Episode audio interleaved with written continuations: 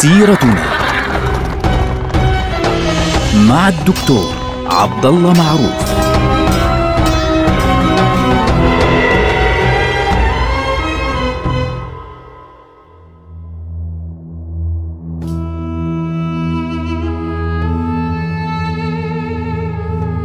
السلام عليكم ورحمة الله وبركاته. سيرتنا سيرة هذه الأمة العظيمة ونحن الآن في العصر العباسي في خاصة في عصر هارون الرشيد أزهى العصور العباسية.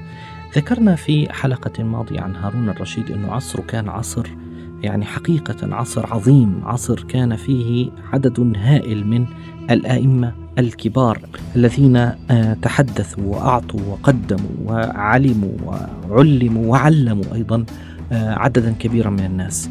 هارون الرشيد كان الرجل الذي دعم العلماء وأعطى لهم كثيرا. هذه الحلقة سأخصصها للحديث عن هؤلاء العلماء عشان نعرف لماذا عصر هارون الرشيد كان عصرا زاهرا بالفعل.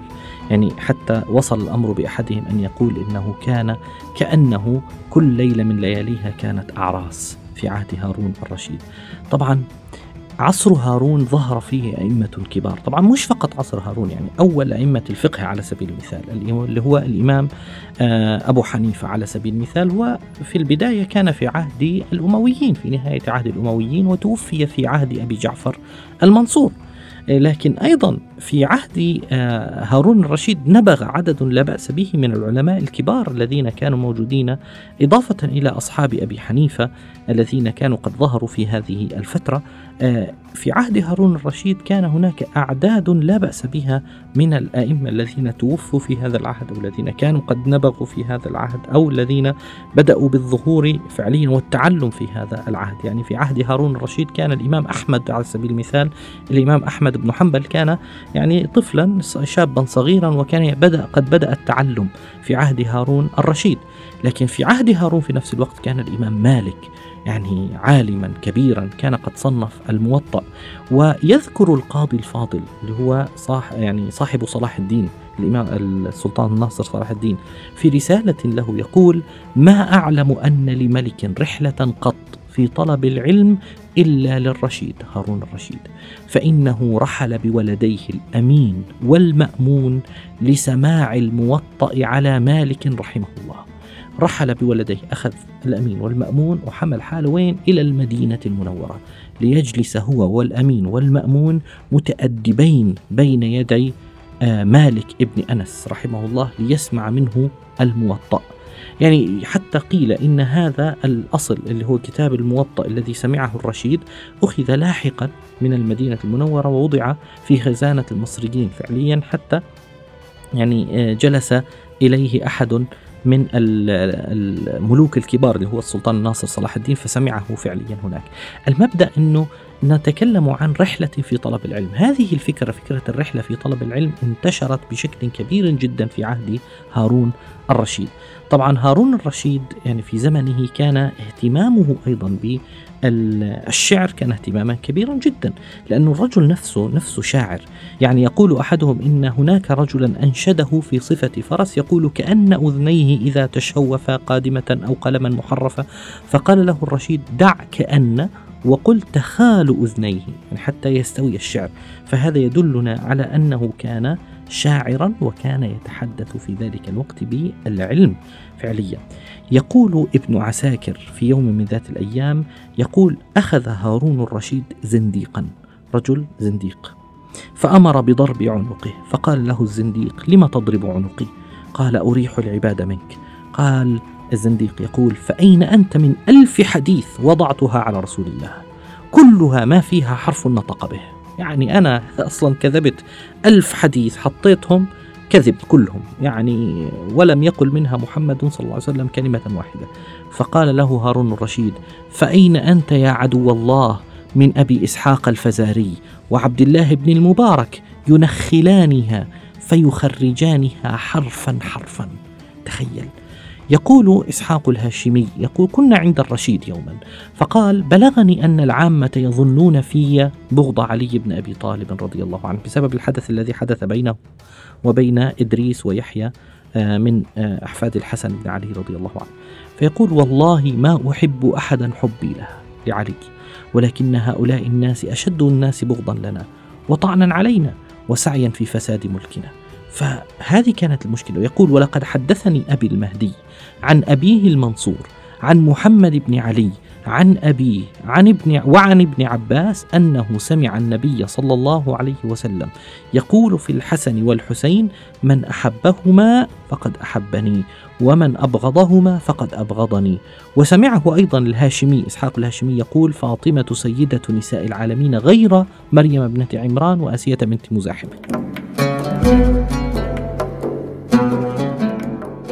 فالمبدا إنه إحنا نتحدث الآن عن ملك في زمنه كان عصر الرواية، كانت في بدايتها عصر الرواية كان قد توضح وكان قد بدأ يظهر بكل ما تحمل الكلمة من معنى، فلذلك كان في ذلك الزمن في عهد هارون كان هناك اهتمام بالغ من العلماء فعليا بالظهور والتنقيح للأحاديث والكتب. وظهر في زمنه أسماء كبيرة جدا يعني من العلماء الكبار. طبعا توفي في زمنه أول حكمه توفي الخليل بن أحمد الفراهيدي اللي هو صاحب كتاب العين وهو أيضا الذي وضع علم العروض يعني كان موجودا في ذلك الزمان. وتوفي في زمنه عبد الله بن المبارك الذي ذكره في تلك الرواية. وأيضا توفي في زمنه أبو يوسف صاحب أبي حنيفة ومحمد بن حسن الشيباني اللي هو أيضا صاحب أبي حنيفة. كان في ذلك الزمان. في زمن هارون الرشيد كان يعيش الفضيل بن عياض وكان قد ظهر بين الناس وعرف عرف بتقواه وكان يعيش يحيى القطان وكان أيضا محمد بن إدريس الشافعي. أيضا كان قد ظهر وكان قد بدأ بالكتابة والتقديم بين الناس. طبعا ذكرنا أنه آه الإمام مالك ابن أنس كان أيضا في عهد هارون الرشيد ورحل إليه هارون الرشيد. توفي مالك بن أنس سنة 179 في عهد هارون الرشيد أيضا. ورحل إليه هارون ليسمع منه فعليا الأخبار في حديث النبي صلى الله عليه وسلم في الموطأ. وأما الإمام الشافعي فكان قد ولي القضاء في ذلك الزمان. يعني الإمام الشافعي آه، تولى القضاء في مصر في هذا الزمن وكانت له رحلات معروفة في هذه المرحلة في هذه الفترة. طبعا هو توفي بعد هارون الرشيد. وعرف آه، في بغداد لأنه ظهر فيها فعليا في علمه ظهر في بغداد ثم بعد ذلك غير المذهب في مصر كما هو معروف أو أنه طور المذهب إن صح التعبير في مصر. وألف أيضا في ذلك الوقت ألف الشافعي الكتابين العظيمين الرسالة والأم للشافعي.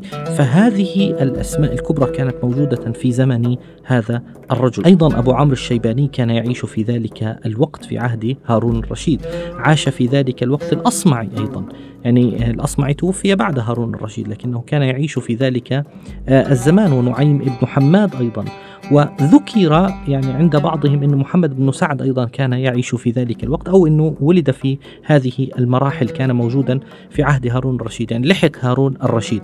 فعندنا إذا أسماء كبيرة جدا من العلماء لحقت هارون الرشيد وتابعت آه، هارون الرشيد. أيضا يحيى بن معين علي بن مدين إسحاق بن ورهوي آه، الأسماء الكبيرة هذه كلها كانت إما يعني بعضها عاش وتوفي في عهد هارون أو أنه بعضها ولد وبدأ التعلم في عهد هارون الرشيد. إذا نتكلم هنا عن عهد كان عهد عمل وكان عهد انتشار لحركة الترجمة والعطاء فعليا.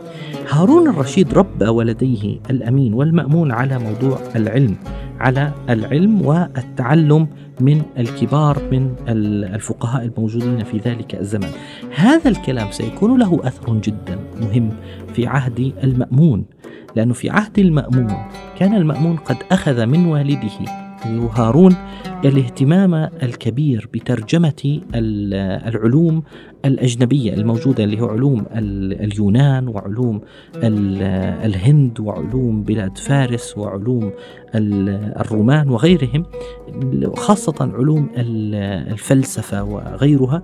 وبدأت حركة الترجمة تتطور لاحقا في عهد المأمون. لكن الأثر كله يرجع إلى عهد هارون الرشيد. طبعا هنا بدي أقارن بين تصرفات هارون الرشيد مع العلماء مع تصرفات أبي جعفر المنصور على سبيل المثال. أبو جعفر المنصور عندما طلب من الإمام أبي حنيفة أن يلي القضاء فرفض الإمام أبو حنيفة ماذا كانت النتيجة؟ كانت النتيجة أنه ضرب ثم سجن حتى توفي رحمه الله وهو في السجن فعليا. لذلك بعضهم يدعي أنه أبو جعفر المنصور هو المسؤول عن آه، وفاة أبي حنيفة. رحمه الله. لكن يعني هذا الكلام فيه نظر طبعا. آه، لكن في نفس الوقت عندنا آه، هارون الرشيد اختلفت نظرته تماما وطريقة تعامله بشكل كامل مع هذه المرحلة مع هذه مع العلماء. في نفس الوقت هارون الرشيد في زمنه بدأت فكرة التشيع أيضا اللي هو التشيع الديني عند أحفاد الإمام الحسين. تحديدا أحفاد الإمام الحسين تأخذ طابعا مختلفا. ليه؟ لأنه الإمام جعفر الصادق توفي في سنة 148 للهجرة اللي هي يعني في عهد أبي جعفر المنصور. ثم من بعده بدأ انشقاق الشيعة هم الإمامية والإسماعيلية على أنفسهم. فبدأ الاختلاف بينهم. في ذلك الزمن. في زمن أبي جعفر المنصور ظهر بعض التلاميذ الذين تتلمذوا على يد الإمام جعفر الصادق ثم بعد ذلك آه، بدأوا يعني ينشرون الأحاديث المكذوبة لأنه لسه ها الزمن ما بدأش زمن تنقية وتصفية الأحاديث بشكل كامل فبدأت فكرة الولاية والإمامة تتخذ طابعا مختلفا. فما إن جاء عهد هارون الرشيد حتى كان الشيعة في ذلك الزمن قد اتخذوا طابعهم الخاص. فكان موسى الكاظم على سبيل المثال موجودا في ذلك الوقت واللي هو الإمام التالي عند الإمامية الاثني عشرية آه، من آه، بعد أبي جعفر الصادق. وكان هناك على الطرف الآخر آه، اختلاف آخر مع الإسماعيلية الذين ظهروا في هذه المرحلة. فهارون الرشيد في زمنه كان لابد من تنقية الأحاديث لأن الأحاديث التي كان يكذبها بعض الناس الذين يدعون على جعفر الصادق إنه يقول كذا ويقول كذا وينقل كذا وينقل كذا كانت تنتشر فأدى ذلك إلى يعني ظهور أو تحول التشيع إلى شكل ديني بعد أن كان شكلا سياسيا محضا لهذا فإن هارون الرشيد دعم بكل قوته فكرة الاهتمام بإيه؟ بتنقية الأحاديث والرواية التي ذكرناها فعليا عن هذا الزنديق لما قال هارون الرشيد أين أنت يا عدو الله من أبي إسحاق الفزاري وعبد الله بن المبارك ينخلانها ينخلان الأحاديث فيخرجانها حرفا حرفا كان لا بد منه فعليا. هذا الأمر سيتطور بعد هارون الرشيد إلى أن يتم تصنيف أهم كتب الأحاديث النبوية الشريفة الصحيحة اللي هو كتاب البخاري ثم مسلم لاحقا بعد ذلك. لكن في هذه المرحلة كان بداية العمل مع هارون الرشيد كان بداية العمل في تصنيف وتقعيد الكتب فعليا في هذا الزمان. كان زمانا عظيما وكان زمانا مهما وكان زمانا في غاية الخطورة فعليا وأثره امتد إلى زمننا الحاضر. نلقاكم على خير والسلام عليكم ورحمة الله وبركاته.